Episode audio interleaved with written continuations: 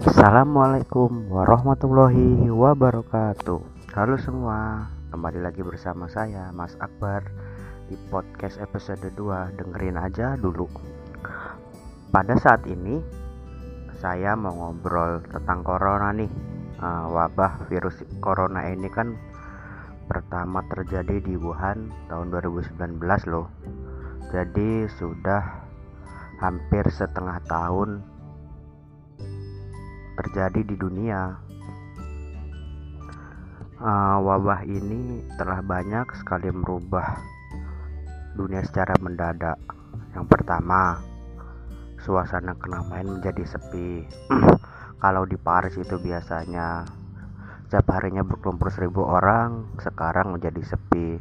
Sudah banyak sekali memakan korban dan aktivitas-aktivitas di dunia sudah mulai berkurang bahkan malah ada yang tidak beraktivitas sama sekali loh.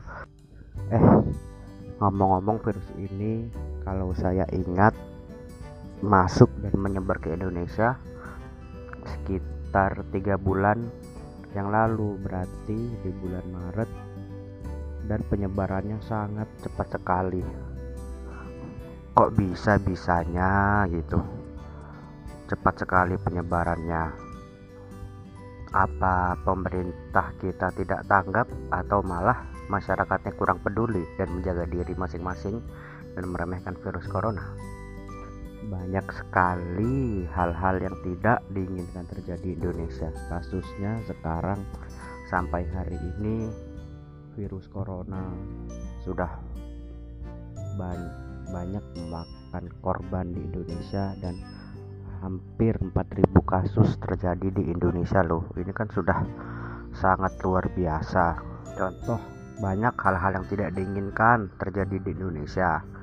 Seperti contohnya lemahnya pendidikan di Indonesia yang pendidikan sekarang menjadi di rumah aja. Pendidikan yang sekarang tidak bertatap muka. Dan juga faktor ekonomi Indonesia mulai menurun. Masyarakat yang sekarang banyak yang menganggur banyak yang di PHK ini sangat miris sekali terjadi di Indonesia.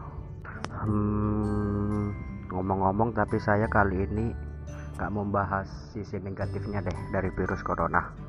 Kali ini saya membahas sisi positifnya dari wabah virusnya aja deh bosen apa-apa kita bahas negatifnya apa-apa keburukannya apa-apa kejelekannya. Coba sekali-kali kita bahas deh yang kebaikannya apa. Yang pertama lahirnya pendidikan bagi anak. Ini ada di sektor pendidikan. Kalau kebanyakan mereka anak-anak belajar di sekolah pada saat sekarang anak-anak belajar di rumah orang tua mempunyai banyak sekali peran penting di rumah dalam mendidik anak. Pertama, itu orang tua dapat menanamkan karakteristik anak ketika di rumah yang kalau sehari-harinya tidak terpantau di rumah bisa terpantau setiap hari menanamkan sisi akhlak, sisi kebaikan, mengajarkan hal-hal baik dan lainnya. Yang paling penting membentuk karakteristik dan jati diri seorang anak itu ketika di rumah sangatlah penting. Pada pandemik seperti ini ketika kita disuruh di rumah aja. Yang kedua isu-isunya Indonesia itu mau lockdown. Lockdown tapi kan masih banyak pertimbangan-pertimbangan yang perlu difikirkan oleh pemerintah kebijakan yang perlu diambil dan pemikiran sangat matang dari segi positif dan negatifnya perlu dipertimbangkan. Tapi beberapa daerah sudah memberikan kebijakan bahwasanya work from home kerja di rumah aja. Nah dari work from home ini banyak sekali sisi positifnya. Yang pertama kedekatan dan keakraban semakin erat.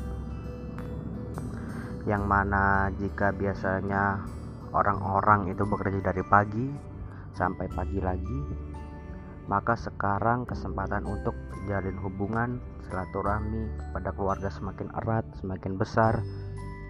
Dan menurut saya pribadi ini banyak sisi positifnya daripada negatif. Walaupun sisi negatifnya ada tapi bisa tertutupi oleh sisi positif. Terutama kita sebagai orang yang merasakan harus bijak dalam mengambil sebuah keputusan dalam mengambil sebuah kebijakan apa yang harus kita lakukan ketika di rumah aja. Yang ketiga dan yang keempat kesadaran kebersihan semakin baik. Dengan adanya virus corona ini kita dituntut mau nggak mau harus mencuci tangan dengan lahirnya sebuah himbauan dari Kementerian Kesehatan gerakan mencuci tangan pakai sabun setiap selesai beraktivitas ini adalah salah satu upaya memutus mata rantai virus corona. Tanpa disadari juga kita sudah melakukan pola hidup sehat.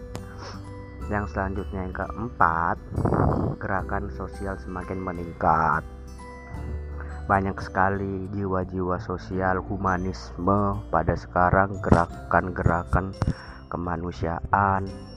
Contohnya memberikan sembako menyemprotkan disinfektan di rumah masyarakat memberikan bantuan kepada masyarakat kurang mampu. Ini salah satu memanusiakan manusia. Bagaimana kita sebagai manusia membagi rizki kita kepada sesama manusia dalam keadaan wabah sekarang dan menjadikan ini sebagai ladang amal bagi kita. Baik kalau yang mendengarkan ini agama Islam pahala kita semakin banyak dan juga agama non Islam menjadikan sebuah kebaikan bagi mereka tersendiri. Dan yang terakhir yang terakhir ini yang paling penting kondisi bumi semakin membaik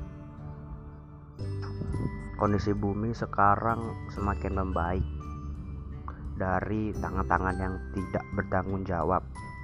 Selama pandemik kondisi bumi membaik sebanyak 2,5 persen dari beberapa artikel-artikel dan BMKG menyatakan bahwasanya kondisi sekarang lebih baik. Mungkin uh, kalau sekarang kita sadar bahwasanya kita harus menjaga bumi kita bisa melakukan sebuah kebaikan yang luar biasa yaitu menjaga alam semesta terutama bumi kita so dari sini mari kita sama-sama berdoa dan berikhtiar bahwa wabah ini akan segera selesai dan kita akan bisa beraktivitas kembali seperti semula.